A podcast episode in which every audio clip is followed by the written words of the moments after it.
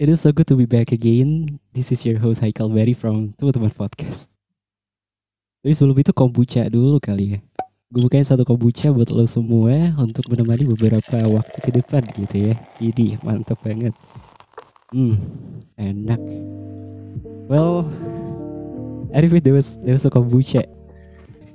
Gue sempat jelasin di episode sebelumnya kombucha itu kayak gimana. Jadi lo mampir aja ke episode teaser episode teaser uh, 2022 kombucha dulu kali. Kayak gitu. Well anyway uh, di episode kali ini we're gonna talk about I don't know it is it is probably something interesting to talk about. We're gonna talk about children illustration with our special guest for today's episode. Kenapa special? Karena gue uh, sempat nge-mention di episode sebelumnya kalau nggak salah. Jadi kenapa spesial karena Doi adalah cewek pertama yang main ke teman-teman podcast pastinya. Yang kedua kenapa gue ajak doi karena gue astaga gue suka mampus lagi sama karya-karyanya. Sesuka itu gue astaga. gue gak pada sama sekali ya. Iya jadi kayak gitu. So langsung aja kali ya. Langsung aja. uh, please welcome to this podcast yang sekarang lagi senyum-senyum sendiri nih astaga. Please welcome to this podcast ada It Gitaf nih yes. Halo It Gitaf. Enggak ya, enggak bukan It Gitaf. Kak Una nih, Husna Atia aka Una ya, biasanya biasanya dipanggil Una. Halo Kak Una, apa kabar? Halo kombucha. Ini kombucha Peres. It Gitaf lagi. Rambut lo mirip It Gitaf kayak. Astaga, gue gue baru baru baru notice itu dari dari tadi. Ini Jenny tahu, bukan It Gitap. Emang Jenny kayak gitu ya? sorry sorry, gue minim referensi lagi. Jenny ya. jadi, jadi jadi gimana kau nih? Apa kabarnya? Basi gak sih kalau gue tanya kabar?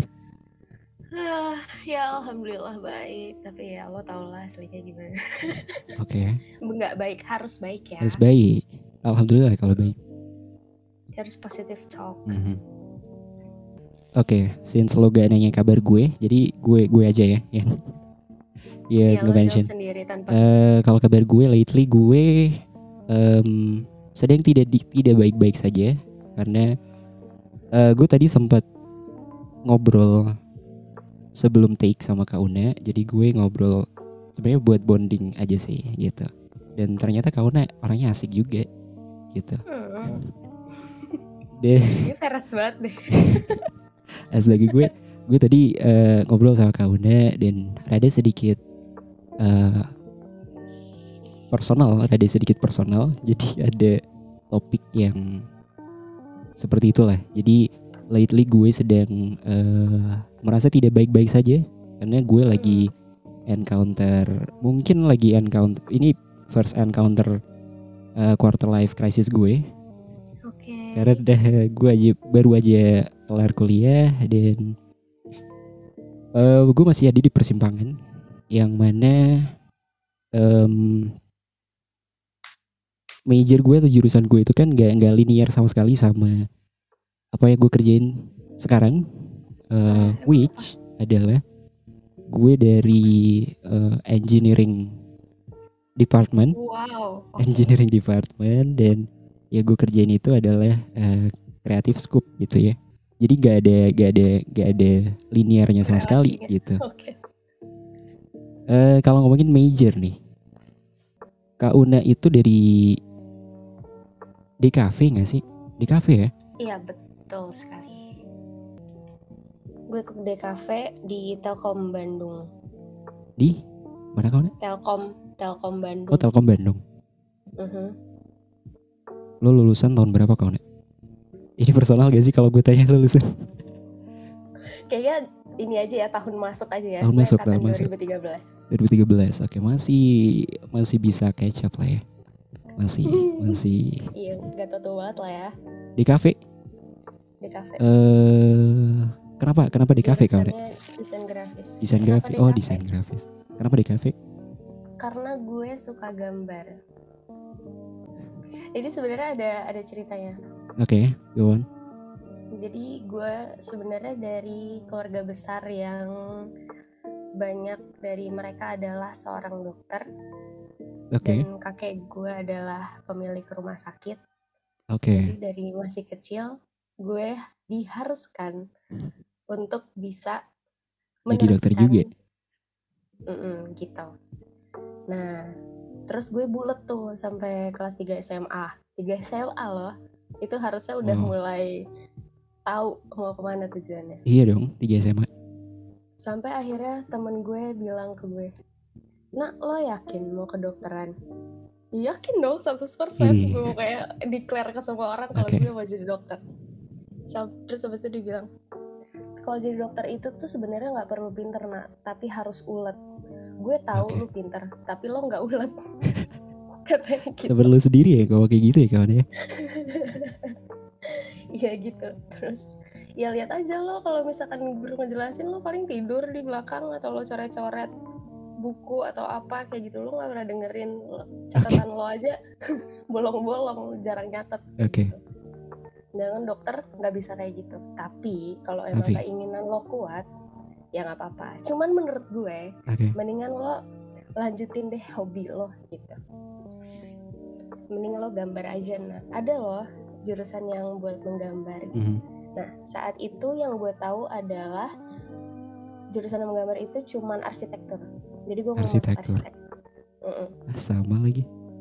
gue masuk arsitek sampai akhirnya gue apa sih namanya cari tahu tentang kampus-kampus dan penjurusan Mhm. terus gue nemuin arsitektur terus tapi sayangnya ketika itu kan gue SM, SMBPTN ya SBMPTN.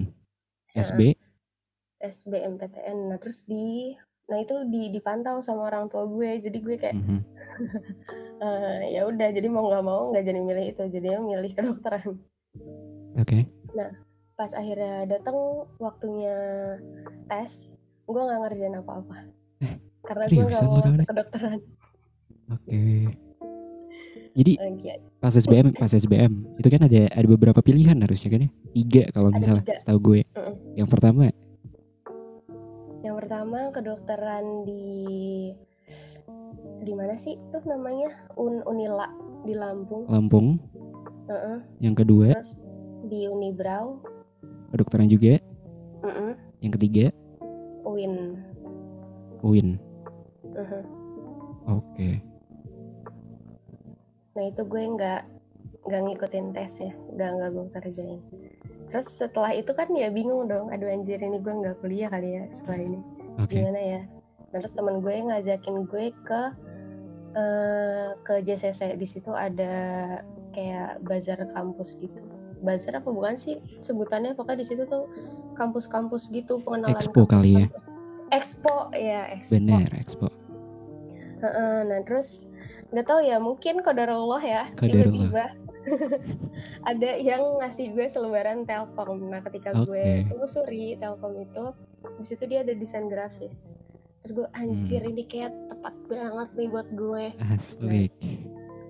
terus saat itu juga gue langsung daftar di situ juga tanpa orang tua gue tahu Oke. Nah, terus habis itu gue ikutin tesnya, gue coba masuk apa jalur beasiswa karena kan gue berusaha untuk nggak terlalu membebani orang tua kan karena ini kan bukan mereka yang mau. Mhm. gitu. Terus tes lah akhirnya. Terus hasilnya nggak lulus. Ah, seriusan kawan ya? iya gak lulus. Terus, Terus? telepon kan sama mereka. Telepon dikasih tahu maaf ya ternyata kamu tidak lulus. Terus gue kayak anjing ya diem. Gue udah tahu kali.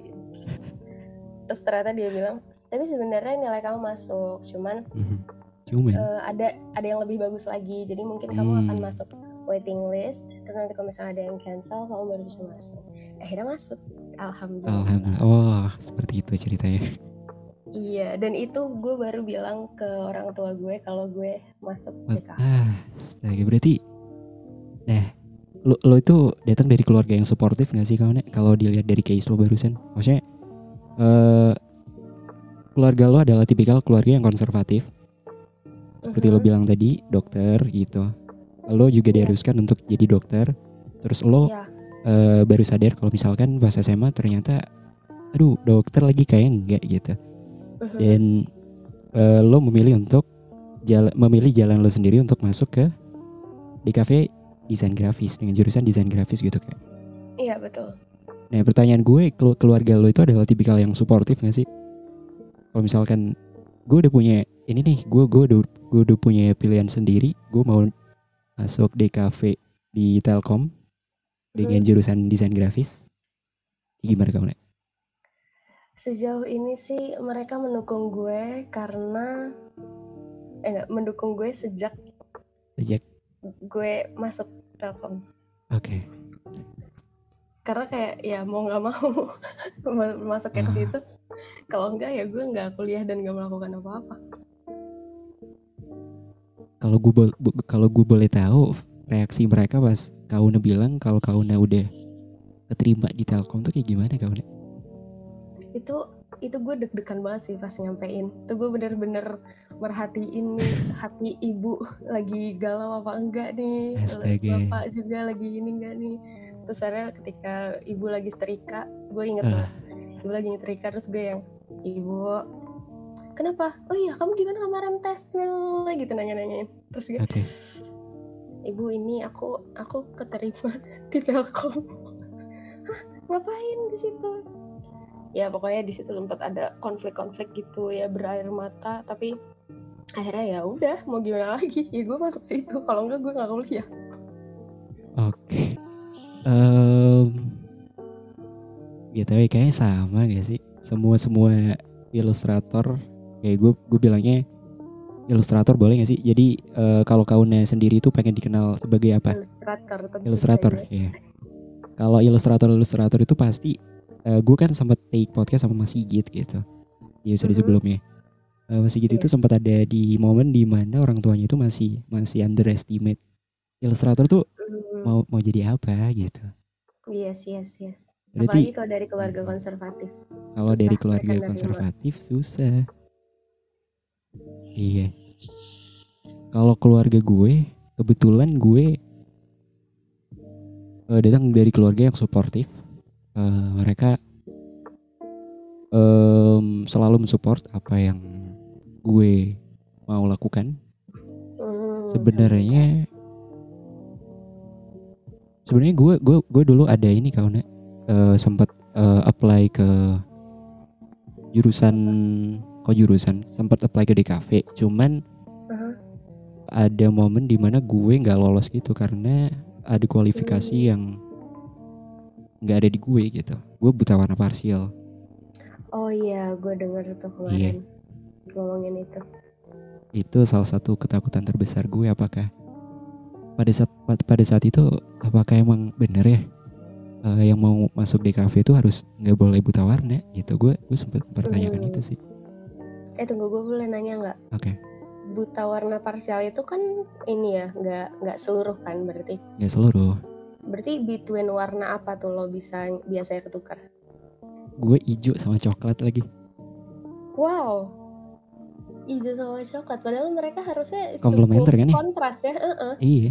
Hijau sama Wow. coklat komplementer kalau di color wheel gue masih bisa kak cuman kalau eh, udah lo ngerti gak sih eh, tes buta warna yang bulat-bulat iya yang tengahnya ada angka Iya, tengahnya ada angka. Kalau warnanya udah eh, hijau sama coklat atau merah gitu, gue deh pada wah ini sama nih. Ini warna hijau atau warna coklat ya gitu. Gue bingung. oh Gue bingungnya ada di situ. Nah, lo ngelihatnya warna hijaunya atau coklatnya Gue hijau sih biasanya oh gitu. lo sadar itu dari kapan kal Gue sadar itu dari eh mau masuk kuliah sebenarnya.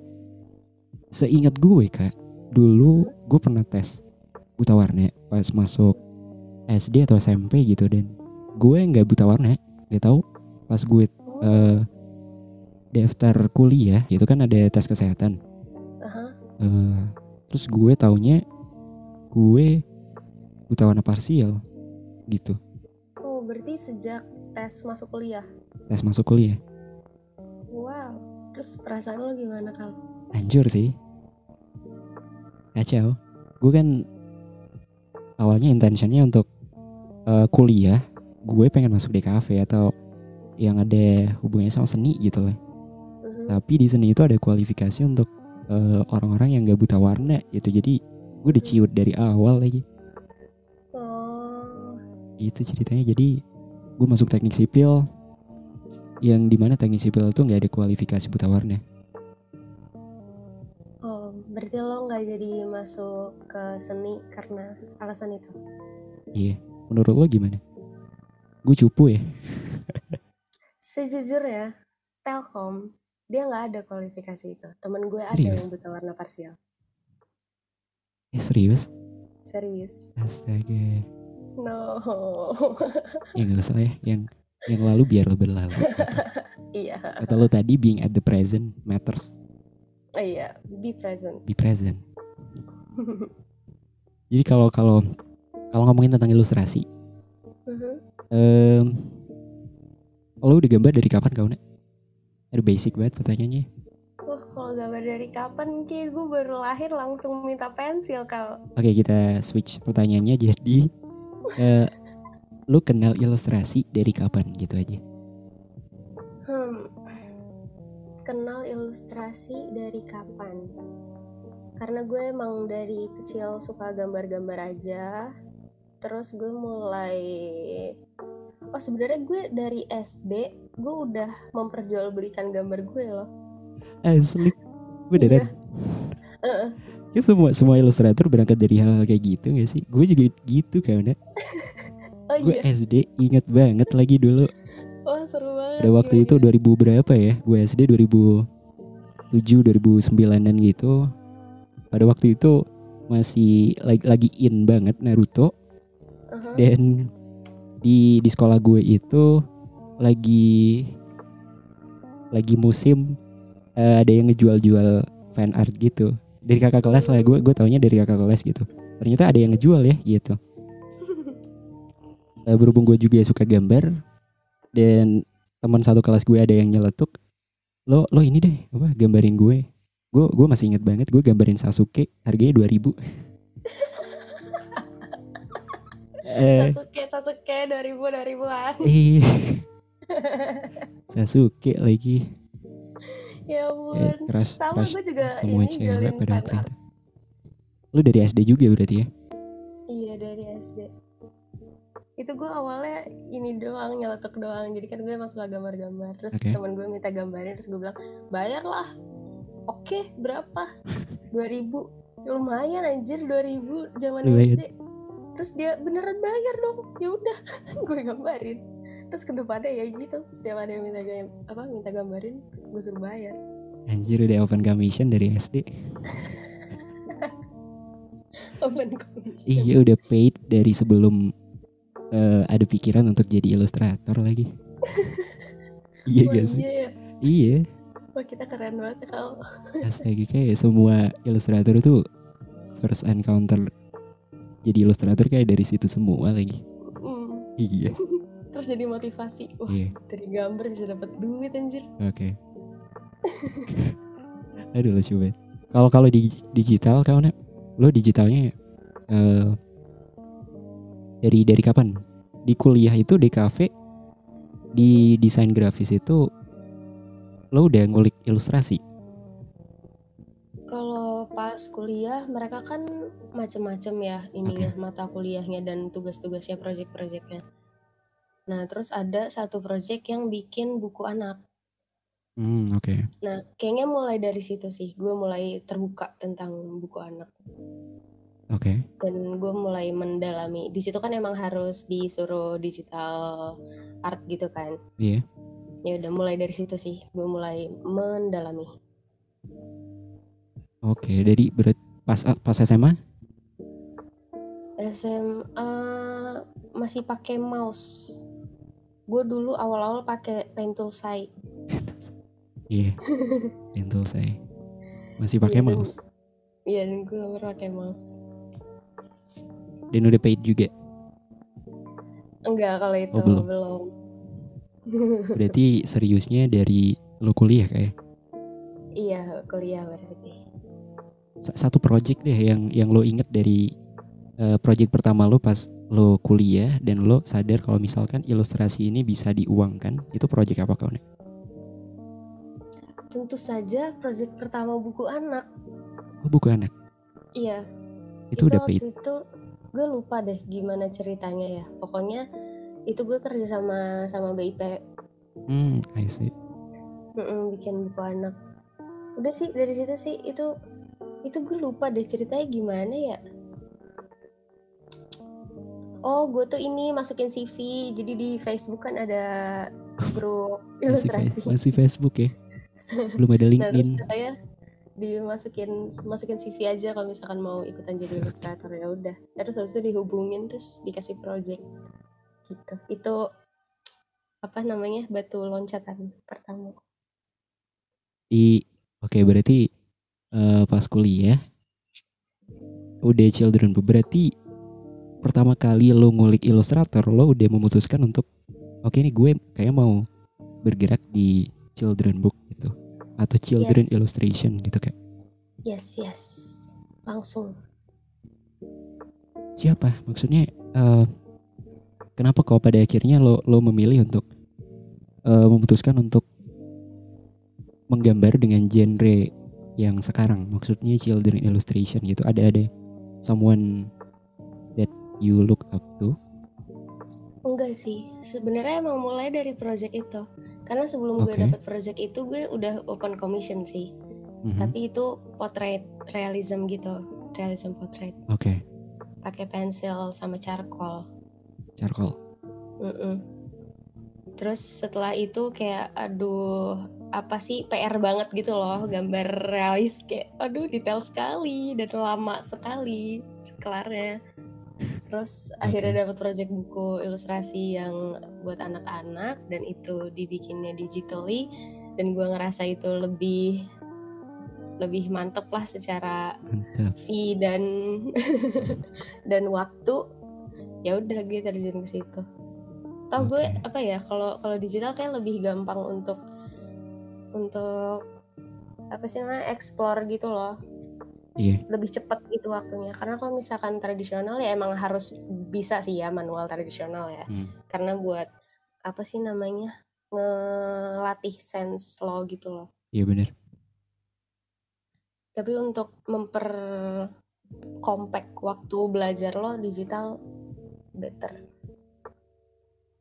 Oke belajar digital em, cocok lagi dari episode sebelumnya karena di episode sebelumnya gue sama Mas Sigit ngebahas tentang device kalau menurut lo untuk orang-orang yang baru masuk eh, belajar digital atau orang-orang yang eh, belajar digital illustration device itu matters nggak kak? gue setuju sama Sigit Oke apa? Eh, itu kata Mas Sigit matter itu nggak terlalu ngaruh karena yang penting lo gambar terus dan Oke. lo suka itu kalau misalkan lo emang suka gambar dan akhirnya pinter dan akhirnya jago dan akhirnya suka. Oke. Mau lo cuman pakai kapur di atas di atas papan tulis juga lo itu bakal jadi. Bener lagi. Bener. Jadi device itu nggak nggak nggak terlalu matter sih. Gue ngebahas kalau kalau kata Mas Sigit itu dia sempat mention eh quotation dari Pinot yang matters itu man behind the gun-nya jadi yang Oh, matters iya. itu alone-nya bukan bukan gun-nya gitu yes saya setuju sekali 100 Wuh. astaga Mas Sigit tuh wise banget lagi iya gue dengerin kemarin bagus tuh dia insight iya masa dia melarang gue untuk bunuh diri kak kenapa kenapa dilarang Astaga, lu kacau kau Nek. kacau lu. Iya deh, lanjut aja. Waduh kacau sih kau. Lagi children, children illustration. Jadi sebenarnya sebenarnya gue gue nggak tahu sih mau nanya apa aja, mau ngebahas apa aja kalau tentang children illustration.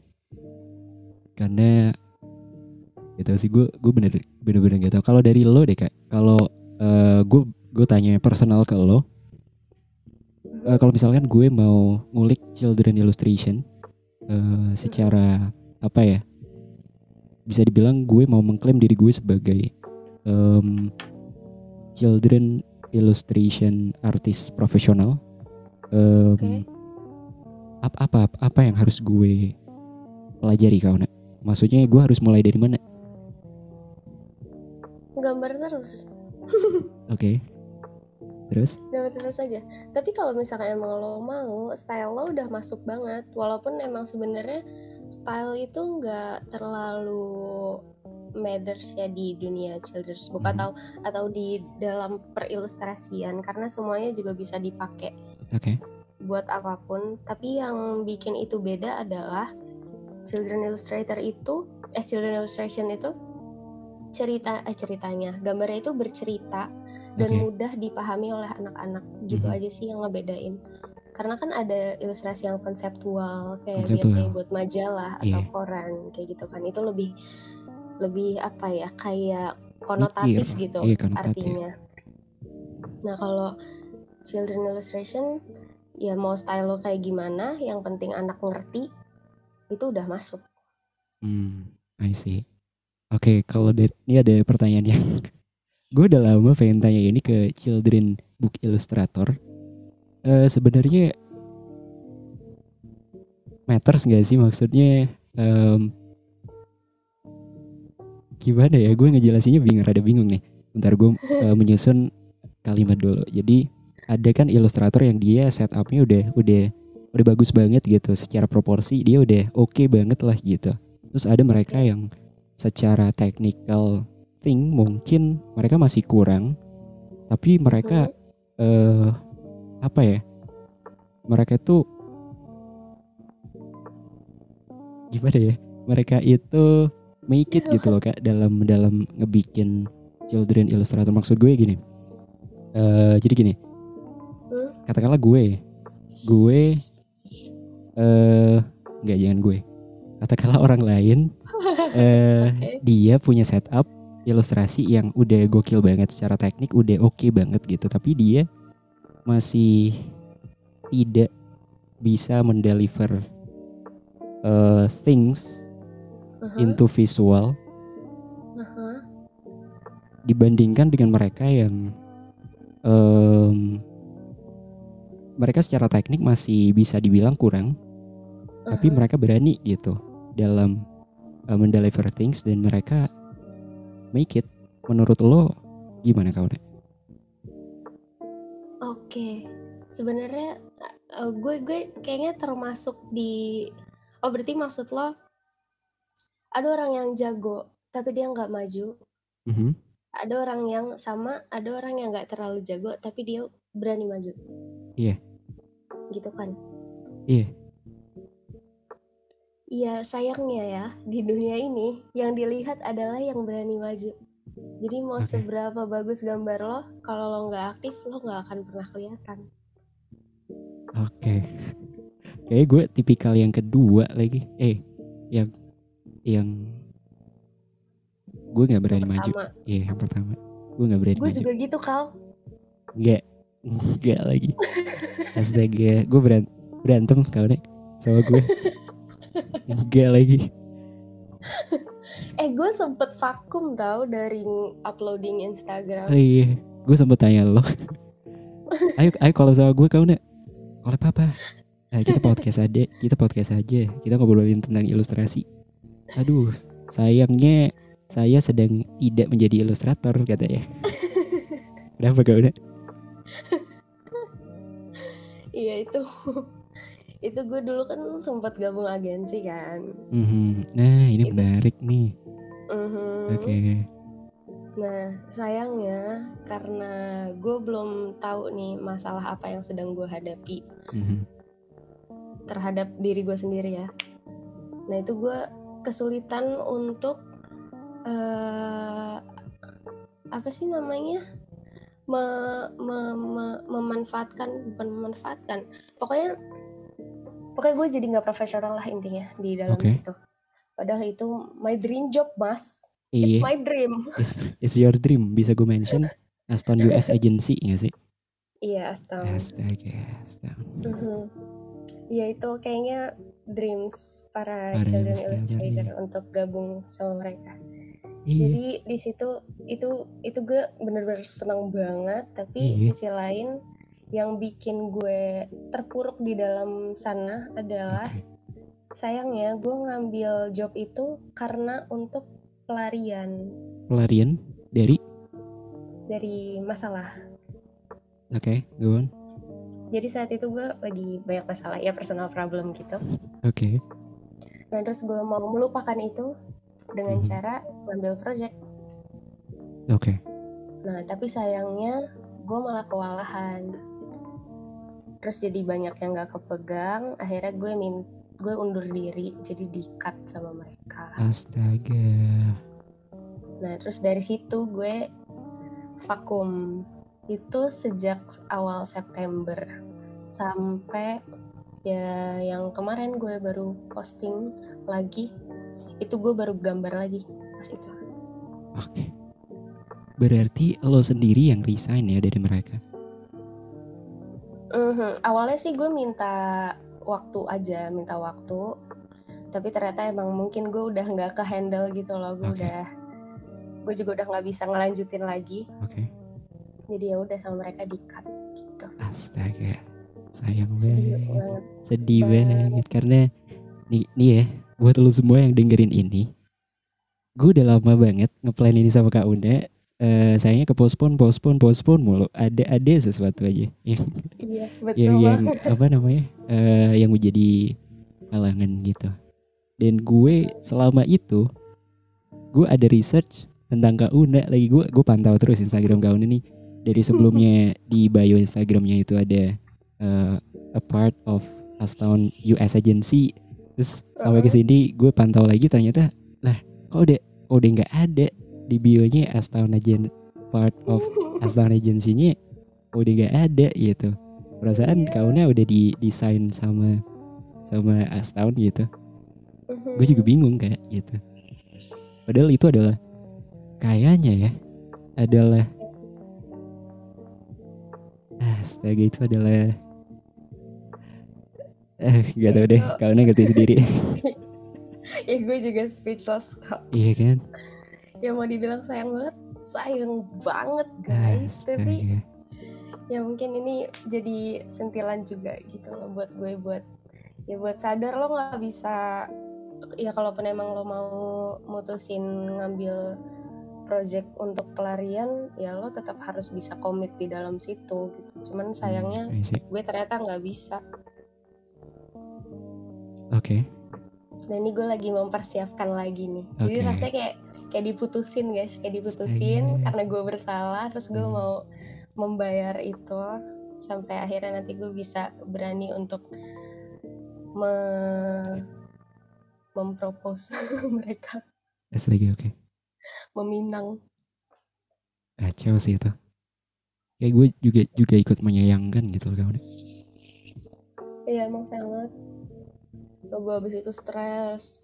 Makanya gue gak gambar sama sekali. Hilang aja gue udah. Well anyway. Mhm. ya udah yang yang udah kelar ya udah kelar aja ya gitu. Iya. Back again. Being present. Di present. Be present. Iya benar. Ayo guys. Berarti udah kauna baik iya. Hmm. udah nyiapin sesuatu nih ya berarti buat ke depannya Yes. Mhm. Betul. ya udah berarti ditunggu kauna karya-karya selanjutnya Karena- Hmm. astaga gue udah mention di awal gue gue suka mampus lagi sama karya-karya lo kak kalau lo sampai berhenti berkarya astaga nggak tahu sih. Oh. Wah, Paras lu, enggak lagi Paras, lu cap cap jempol. Iya bener kan Kayak gitu harusnya Oke eh Lanjut aja ke pertanyaan selanjutnya Karena gue nggak tahu Mau nanya apa lagi Oke. Jadi ini adalah salah satu pertanyaan dari em, Salah satu pertanyaan dari Arthur Magazine Gue kutip dari sana Mhm. Jadi di Arthur Magazine itu ada eh eh, beberapa beberapa pertanyaan interview gitu yang disajikan secara tekstual oleh mereka. Yes. Dan salah satu pertanyaannya itu adalah eh kalau kalau dalam bahasa Indonesianya gimana cara Kak Una membedakan personal life dan art? Personal life dan art. Hmm, dan artnya itu maksudnya dunia profesional. Dunia profesional, bener. Oke. Okay. Karena, oke, okay, bicara tentang uh, gimana ngebedain antara personal life dan art. Kalau dilihat dari uh, branding yang para ilustrator jual kebanyakan uh, let's say dari Instagram gitu ada ada tipikal ilustrator yang mereka mem membiarkan Instagram mereka itu campur dengan personal life sama uh-huh. art mereka dan ada juga tipikal yang mereka nggak mau sama sekali uh, personal life mereka mereka taruh ke Instagram mereka kayak gitu mungkin uh-huh. kalau cara Kak Una sendiri gimana cara membedakannya personal life dan art? Oke, kalau gue kalau di bidang itu gue lebih suka dicampur aja sih. Okay. Karena gue sendiri udah riwah sama diri sendiri okay. kalau misalkan harus apa sih take care lebih dari satu account itu bakal so much work to do. Jadi ya udah gue satuin aja jadi di, jadi diri sendiri biar semua orang kenal gue apa adanya aja okay. ya, gue ngeluh-ngeluh di situ gue susah-susah okay. di situ gue happy-happy di situ berarti lo nggak ada masalah nggak ada masalah dengan hal itu nggak ada masalah justru gue pengen orang tuh ngeliat gue gak apa ya seseorang yang lo adore itu nggak seindah itu kok hidupnya oke okay. Gitu. Okay, that was a great answer. Anyway. Iya. Terus kalau uh, personal life, kalau dicocok login dari pertanyaan sebelumnya, personal life lo itu ada influence dari personal life lo ke art lo nggak kau nak? Ada banget. Oh iya. Yeah. Mm -mm. Soalnya I draw my feelings and thoughts. Jadi ya ya gue kalau lagi galau ya gue gambar gue lagi galau, gue lagi happy gue lagi happy. Ya apa yang gue rasain lah hmm. di sini gitu.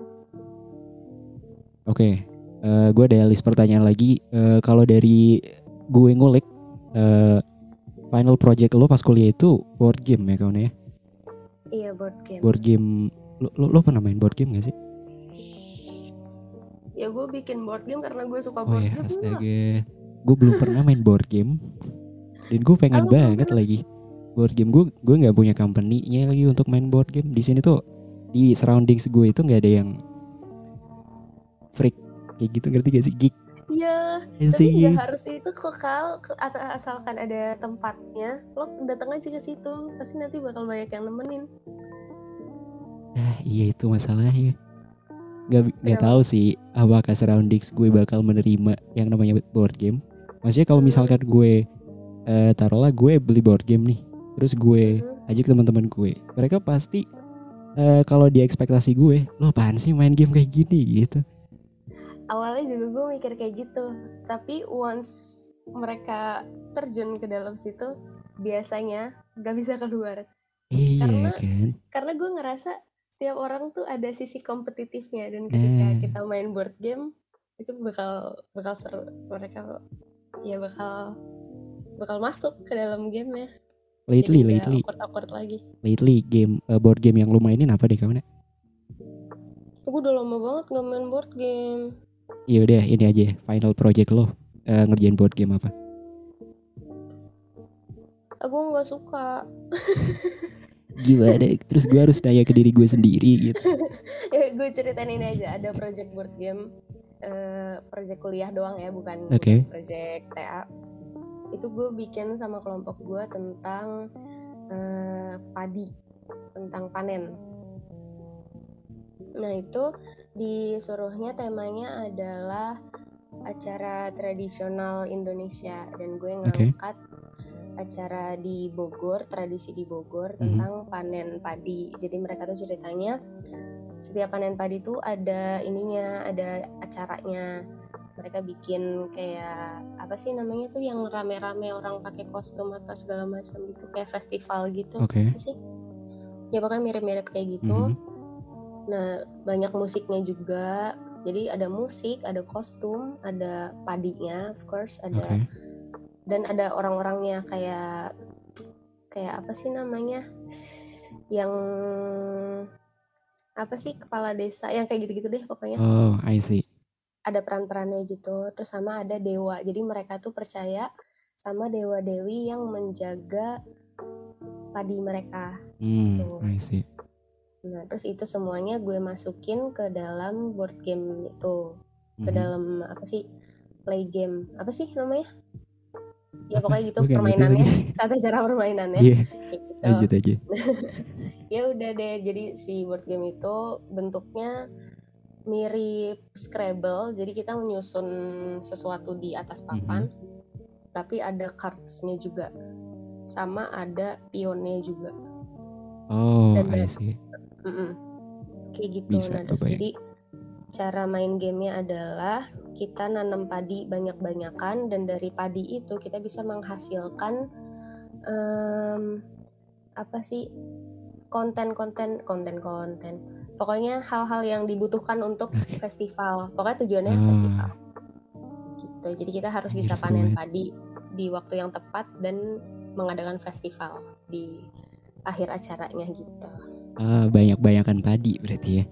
Iya banyak-banyakan padi Lagi seru banget ya sih. Gue gue jadi pengen main board game. Tapi sebenarnya itu seru banget tahu. Gue dapet nilai bagus kok. Yang menganggap itu nggak seru, lo sendiri kan? iya. Gimana sih?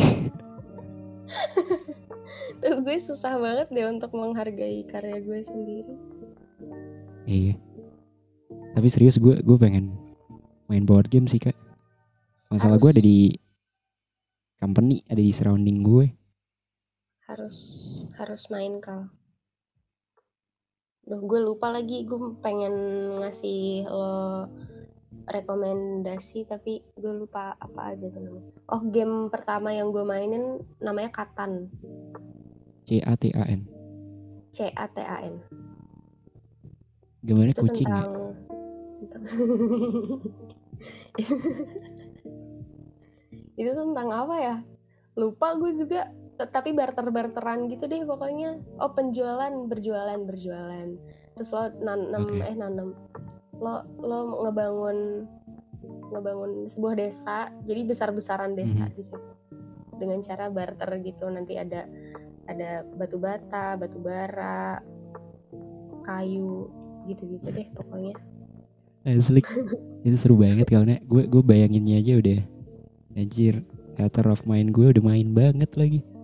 saya Surroundings belajar ini banget tahu apa sih gue suka board game yang interaktif gitu loh yang Iya kan. yang apa harus pakai omongan gitu loh Hmm. bukan yang cuma main-main doang tapi ada interaksi antar pemain Iya, gitu makanya- secara Iya itu yang pengen gue mainin dari board game.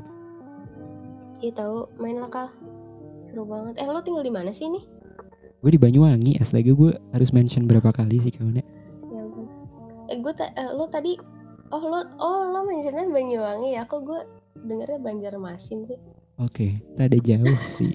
Tuh ya. eh Banjarmasin Lo mau gue rekomendasiin dokter THT gak sih kawan? Enggak ya? Sorry, sorry, itu sorry. tuh suka kebalik-balik kayak Makassar sama Semarang gitu kan Oke. mirip Makassar, Semarang. Mm-mm. kalau sekarang sibuknya apa kal Gue sekarang lagi ngerjain project design oke bikin apa dan eh, ini sih masih freelance. Gue kan masih nunggu wisuda kawan ya. Mhm. sambil oh, Eh, di jedanya itu gue gue isi sama freelance dan gue lagi ada beberapa beberapa project desain gitu. oh nice Karena sebelumnya gue sebelum gue ngil- ngulik ilustrasi gue eh, ngulik desain dulu. Mhm. Gue sempet ngulik eh, hand lettering dan gue memfokuskan untuk merchandise design dan sekarang ada beberapa project logo yang gue kerjain. oh eh lo keren juga ya lo engineering loh Astaga. tapi udah dapat freelance nya banyak yang desain desain lo mulai dari kapan Gak kal tahu. project-projectan seni gitu Kalau desain gue udah dari SMA kayaknya. Yang jalan itu di hair letteringnya. Kalau di hand lettering itu gue fokusnya di merchandise design. Jadi buat desain desainnya itu kebanyakan buat merchandise gitu.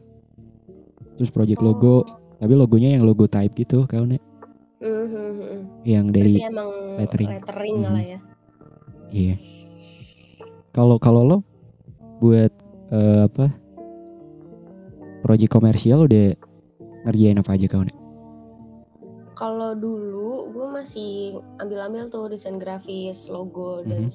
segala macam tapi kalau yang mulai itu sih mulai buku anak itu mulai dari situ gue udah cuman ngambil buku anak doang Doang asli. Mm-mm, mm-mm. udah langsung udah jatuh cinta aja sama itu paling buka-buka commission aja Eh iya tuh kau nek gambar lo otentik parah. aduh kan tuh banyak banget mukanya Bener gue gue pertama kali ngelihat lo kolaborasi sama siapa sih? Kong Adri kalau nggak salah. Kong Andri. Kong Andri. Kong. Andri. Gue gue langsung tahu gitu aduh ini gambarnya Kak Una nih gitu. Oh thank you. dan gue suka banget sama warnanya asli kayak wah ini Kak Una banget. Iya nih gue baru masuk ke dunia per NFT-an. iya. NFT ya? Iya. Lo enggak, Kal? Coba gue Kal. nggak tertarik lagi NFT skip dulu Kenapa? eh no comment lanjut aja yuk Oke. udah ne- NFT apa lagi kau nek Udah gue cuma ngerjain kayak gitu doang. Dulu doang, awal-awal kuliah sama akhir-akhir. Pokoknya masih zaman kuliah sih kalau yang kayak gitu-gitu. Kenapa Jadi mulai mulai dapat project buku anak saya, wah ini udah my true self. oke Pokoknya gue udah nyaman banget dah di buku anak. asli Terus kalau di buku anak tuh apa ya? Ada yang bilang oh oh si ini eh, Al Nurul. Al Nurul Mm-mm. Dia kan suka bete kalau misalnya udah masuk ke bagian coloring. ah, Tapi gue malah senengnya coloring. gue juga senengnya coloring lagi. Gue nggak suka banget. Ini pas zaman zaman zaman zaman masa-masa konsepnya iya. bikin sketsa kayak gitu terlalu mikir. Gue nggak suka mikir. Lo kalau punya sketsa sini deh gue yang kerjain gitu. Iya iya. Gue prefer kayak gitu kau nak iya daripada gue harus mikir sketsanya kayak gimana. Gue suka coloring sih. Gue dari dari ilustrasi dari proses coloring gue jadi lupa gitu loh kalau gue punya buta warna parsial gitu loh kak. Kau nak Hmm, so I thankful to illustration and stuff. Wah keren. Keren gue bisa nih, melupakan itu akhirnya astaga. Bisa Iya. menerima. Karena main buta warna parsial tuh bukan bukan apa-apa gitu. Yes. Itu tidak menghambat kamu untuk melakukan apa pun. Ih bener You gak sih? everything you want. Idih Kak Una. Una cantik 2022 Oke iya dong. Hashtag. Eh, Itu kalau komersial eh Kalau dari gambar-gambar lo kak Referensi yang lo lihat itu siapa sih? Artisnya maksudnya? Gue bisa dengan pede dan dengan cepat menyebutkan dua orang Oke. idola gue. Ini dua-duanya dari luar sih. Gue boleh tebak dari dulu banget. Coba coba. Kalau gue boleh tebak salah satunya ada Beatrice Blue. Betul sekali. Ya itu sebuah idola ilustrator sih Iya. Satunya siapa? Karena dia keren banget yang satunya lagi ini Very Little Peach. Oh asli itu yang gue nggak bisa pronounce-nya. Shandeantes. Dia keren banget parah. Dia vibesnya mirip-mirip Haikal. Gue juga Iya, suka Haikal. Bener. Lokal mereka Haikal. senang iya mereka kan senang ini kan. Apa sih namanya? OOTD OOTD, OOTD, gemes gitu wah. Iya lagi. Iya foto-fotonya aja estetik banget tuh. Iya. Enak banget liatnya seru ilustrator ilustrator macam kayak gitu tuh udah udah udah mengincludekan mengincludekan gimana bahasa gue? Ya pokoknya kayak gitu deh mengincludekan eh, personal life mereka diri mereka sebagai branding mereka gak sih? Kayak seru Iya, banget bener. gitu. Iya bener banget. Iya. Terus kita yang ngeliatnya juga jadi penasaran sama kehidupan personal mereka jadinya. Iya asli. Mas Tanah. Haikal Tuh, mereka idola banget lah pokoknya. Idola nggak tahu gue cara pikir mereka kayak gimana. Iya parah. Ih otaknya isinya apaan sih? Isinya aduh gue nggak dapet lagi. Ya udah gitu aja. Kalau lo kalau lo? Kalau gue Kak Una pastinya.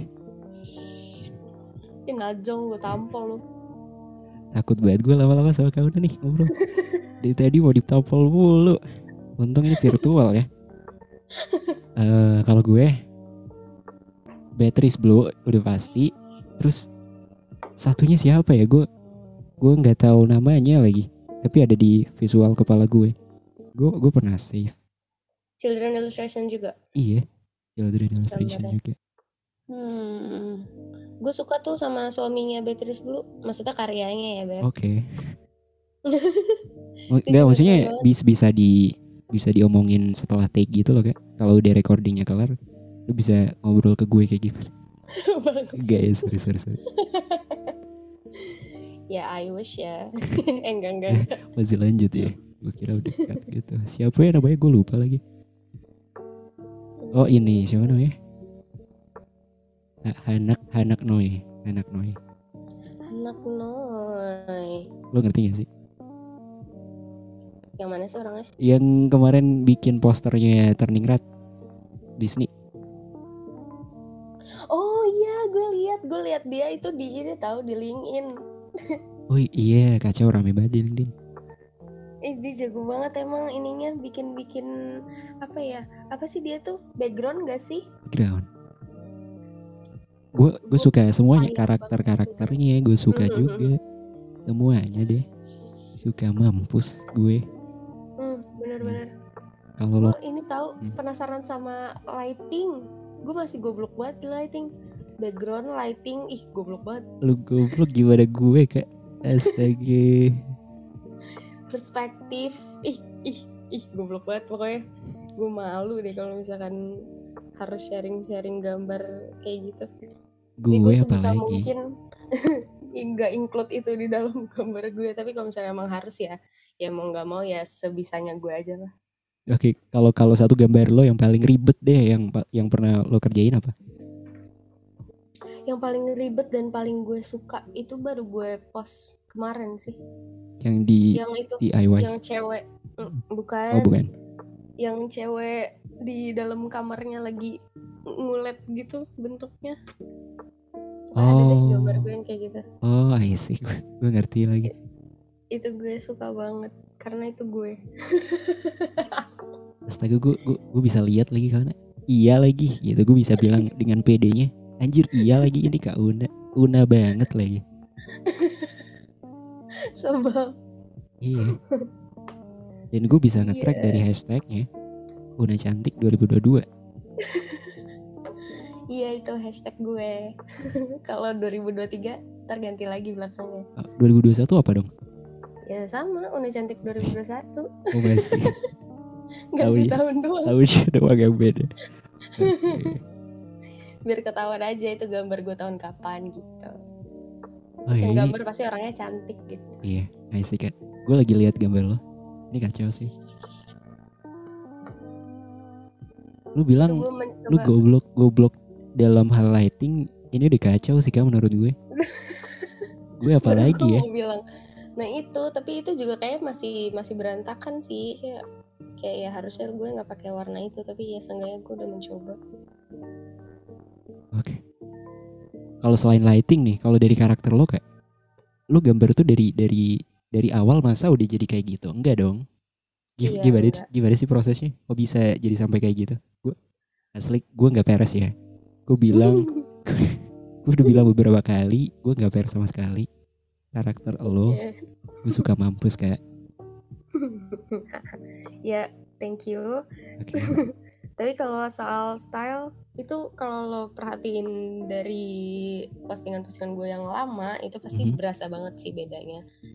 Soalnya ya itu jam jam jam terbang aja sih semakin lo banyak gambar semakin lo tahu semakin tangan lo kenal bagian mana yang lo suka gitu. Jadi itu pasti bakal keulang terus. Oke. dan jangan berhenti buat explore sih. Gue aja baru baru apa ya baru explore bentuk hidung bentuk mata. Itu tuh baru banget loh. Selama ini soalnya Gi- ya Gimana? sama aja. Gimana gimana cara lo explore explore-nya kayak gimana kawan? ya lo lihat orang-orang dari berbagai negara berbagai ras terus lo coba apa aplikasiin itu di dalam gambar lo gitu loh jadi gimana caranya gambar lo kelihatan sebagai Hmm. orang Chinese misalnya orang atau orang Afrikan yang bibirnya tebal hidungnya besar Oke. gitu atau orang bule atau Hmm. harus harus dipelajarin Hmm. sih Iya. Gokil sih. Personal favorit gue yang Kong Andri nih. Why So colorful. Dan Kak Una aja. Udah itu doang. Bisa merepresent semuanya gak sih?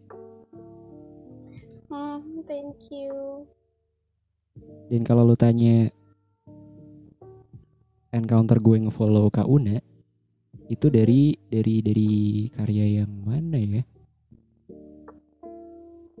Hmm, pokoknya six karakter itu kalau nggak salah. Oh, Tokyo, oh Tokyo Money Heist. oh Tokyo oke. Money Heist. Gue ke follow dari situ kayak wah ini unik nih gitu. Gue langsung jatuh cinta gitu loh dengan gambarnya. Hmm, tayang. Ya itu saking gue gampang kan distractnya itu gue aja nggak pernah selesai tuh 6 cuma tiga kan Oh iya, oh iya lagi. Tokyo, Nezuko Nezuko sama Maruko oh iya Maroko. hmm. Ini barusan Apa? ada ada trouble? Kekat Apaan? recordingnya udah gue record lagi. Aman. oh gitu Iya. oke Gue gak mau ngedit ini karena gue terlalu capek. Karena sebelumnya episode episode sebelumnya gue edit kak. Jadi gue Oh. cut cutin yang yang ada ada noise gitu-gitu pokoknya oh yang tapi nonsense. kayak mendingan cut cutin aja gak sih yang bagian-bagian diem gitu loh oke oke oke you do you aja di Yuduyu lagi. gue baru baru aja kelar bukunya Ruby Yuduyu. Itu bagus banget buat lo yang belum baca Yuduyu. oh lu baru baca itu Iya, baru kelar gue. Enggak sih, baru kelarnya itu itu buku gue beli ketika gue lagi putus asa. Mhm. Gue pas TA waktu itu gue gue inget banget lagi. Aduh. Gue gue lagi stuck di eh, running model gue. Kayak ini gak bakal kelar gitu. Pilihannya cuma dua. Gue harus em, give up atau go on gitu. oh ya ya Dan gue menghabiskan waktu gue untuk eh berpikir pada waktu itu berkontemplasi ide. Dan gue eh dapat postingannya siapa gitu yang ngepost tentang Yuduyu. Mhm. Sebenarnya gue udah tahu dari lama, cuman belum kebeli. Jadi gue beli pada waktu itu. Gue langsung ke Gramet. Gue beli, terus gue baca dan akhirnya gue dapet jawabannya. Gue harus go on katanya. iya dong harus go on dong Iya. Dan sayang banget kalau Iya. berhenti tapi gue udah gue udah kacau banget waktu itu. Aduh ini kayak nggak bakal kelar gitu. Terus Aduh, gue iya. iya. Terus gue nonton eh satu film ibaratnya dia adalah film apa sih namanya? Eh kalau film Pokoknya gue nonton eh, film dari series Breaking Bad. Itu namanya Mhm. El Camino. Dan di situ ada namanya karakternya namanya Jesse Pinkman. Dia sempat nyeletuk gini. It's either you run from thing or you face them. Gitu. Jadi gue ke trigger dari situ waduh iya lagi. Kayak gue harus Mm. face the problem nih gitu. Ide Yes, yes, oh bagus. dan gue memilih untuk ya udahlah gue face the problem lagi. Gue harus nice. harus kalau gue give up gue give up sekali ke depannya gue bakal give up give up terus gitu. Jadi ya Iya udahlah. betul. gue face the problem nih. I'm the man kalau kata Iya. kalau kata siapa namanya? Siapa sih? Eh Ramen Girl. Oh, I'm the man I'm the I'm the man. Oke. Kalau gue ada juga nih quote dari film favorit gue. oke gue banyak sih sebenarnya Oh iya. Tapi ini yang paling gue inget banget Hmm. nih kayak sampai kapan pun kayak gue bakal selalu inget. Gue suka banget Zombieland. oh Zombieland ya yang mana quotationnya It's time for nut up or shut up. oh shit. itu keren banget lagi astaga gue suka banget tuh to the point banget terus sampai iya kayak penuh energi gitu sih quote-nya. iya Oke oke oke. nerdy talk ya. Terus gue ada ada lagi satu dari pas gue nonton di 2000 berapa ya pokoknya pas gue zaman maba gue nonton eh, The Pursuit of Happiness Hmm. yang secara penulisannya itu happiness ya. Dia pakai i bukan pakai i. Mm-mm. Harusnya kan pakai i ya. Oh iya. Itu disengaja gue nggak tahu reasonnya kenapa ada ada eh maksudnya tersendiri gue lupa. Jadi di Pursuit of Happiness itu yang main Will Smith dan ada satu momen di mana ada satu scene di mana si Will Smith itu lagi main basket sama anaknya. Mhm. Terus nggak tahu anaknya nyeletuk kayak gimana. Pokoknya si Will Smith itu bilang ke anaknya jangan jadi pemain basket. Terus anaknya eh, ngambek gitu, ngambil basketnya, dia eh, ambil bolanya, terus dia masukin ke kantong plastik. Aha. Terus eh, pokoknya dia anaknya itu kayak desperate gitu dan sebel sama si Will Smith. Terus Will Smithnya deketin dia, terus dia ngomong, ayo eh enggak ya sorry. Terus dia ngomong eh apa nih? sorry kak. Terus Lu ketemu sini sama gue.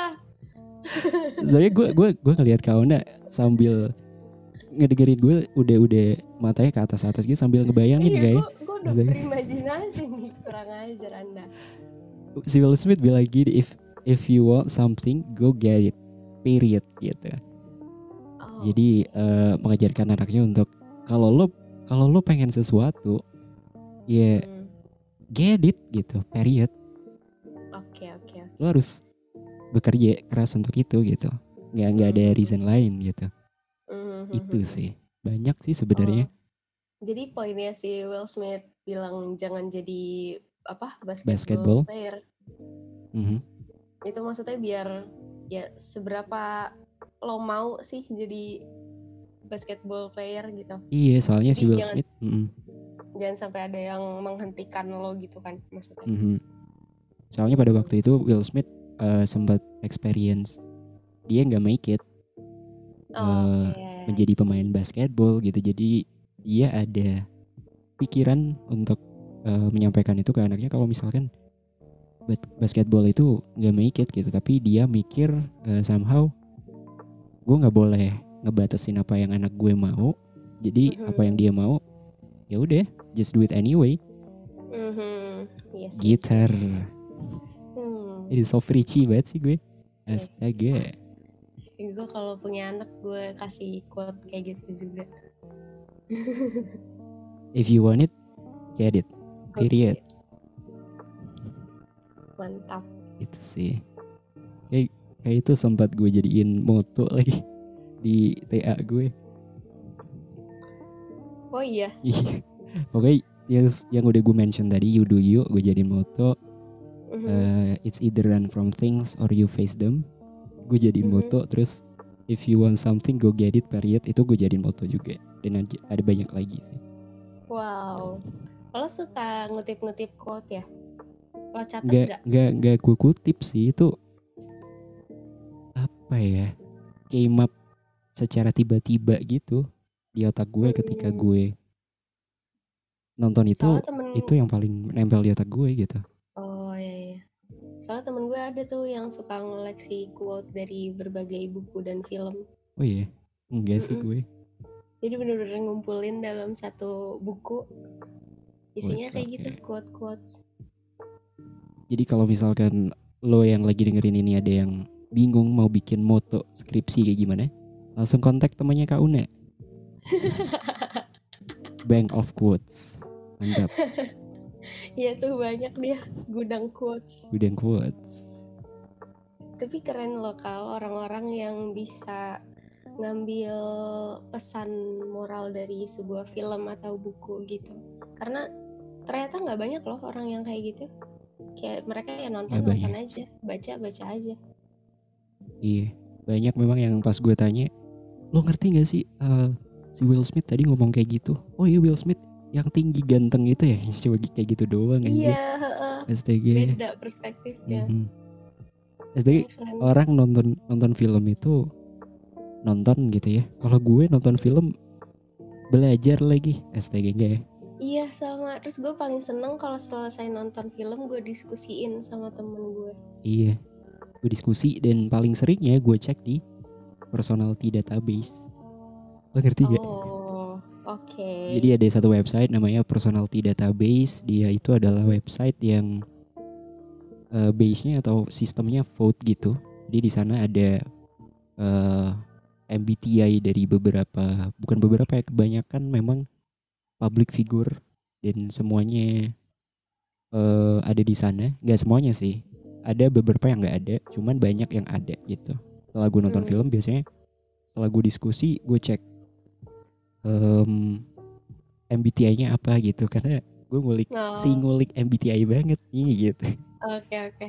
Tapi berarti kalau kayak gitu lo orangnya mirroring gak sih, Kal? Bisa dibilang Hmm. Enggak sih Karena itu, itu, cuma buat eh, bahan research gue doang. Karena gue kan orangnya suka observasi orang gitu. Mhm. dan ketika gue ngulik tentang orang biasanya validasi gue gue gue belajar dari film gitu. Dari personality Oh, karakter. Oh, oke. Makanya lo Ya. suka cocok logi ya? astaga. Di judge lo gue. Oke. Tapi ya bagus kayak gitu. Karena kan kalau untuk komunikasi kan ya bagusnya kita harus kenal sama lawan bicara. Jadi Mhm. bisa nyambung, bisa tahu, bisa paham gimana harus bertindak, cara ngomongnya gimana Mhm. iya tuh. kayak gitu pertanyaan gue udah habis nih ada closing question nih buat buat Kauna um, Kauna ada gak sih advice buat orang-orang yang baru masuk atau nggak tahu sih orang-orang yang baru mau, mau masuk ke industri ilustrasi ini. Oh, atau jangan orang-orang yang- baru masuk ke industri ilustrasi ini deh. Lo kasih advice ke gue Kauna kalau ya gue kan sebagai yang mendeklar diri gue sebagai ilustrator apa ya? Jangan berhenti ya Kal. oke Ya lo Ya pokoknya jangan berhenti aja sih. Sebenarnya mau mau ini buat lo, mau buat siapa pun.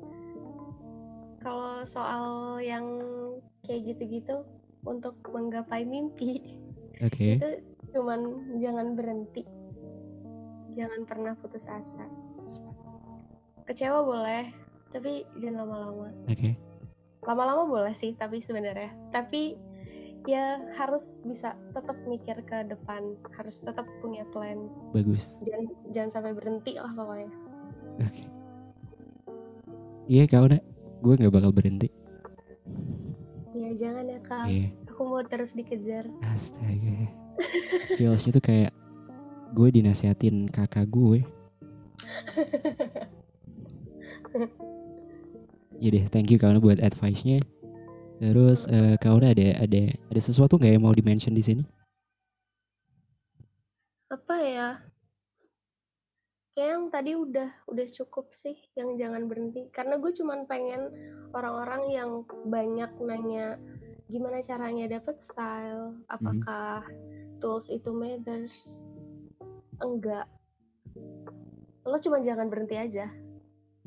Oke apa pun yang lo lakuin mau itu gambar mau itu belajar mau itu pokoknya jangan berhenti udah udah deh gitu aja pokoknya jangan berhenti deh lu jangan berhenti karena kalau lo berhenti banyak banget lo opportunity yang kebuang sayang banget Oke. guys.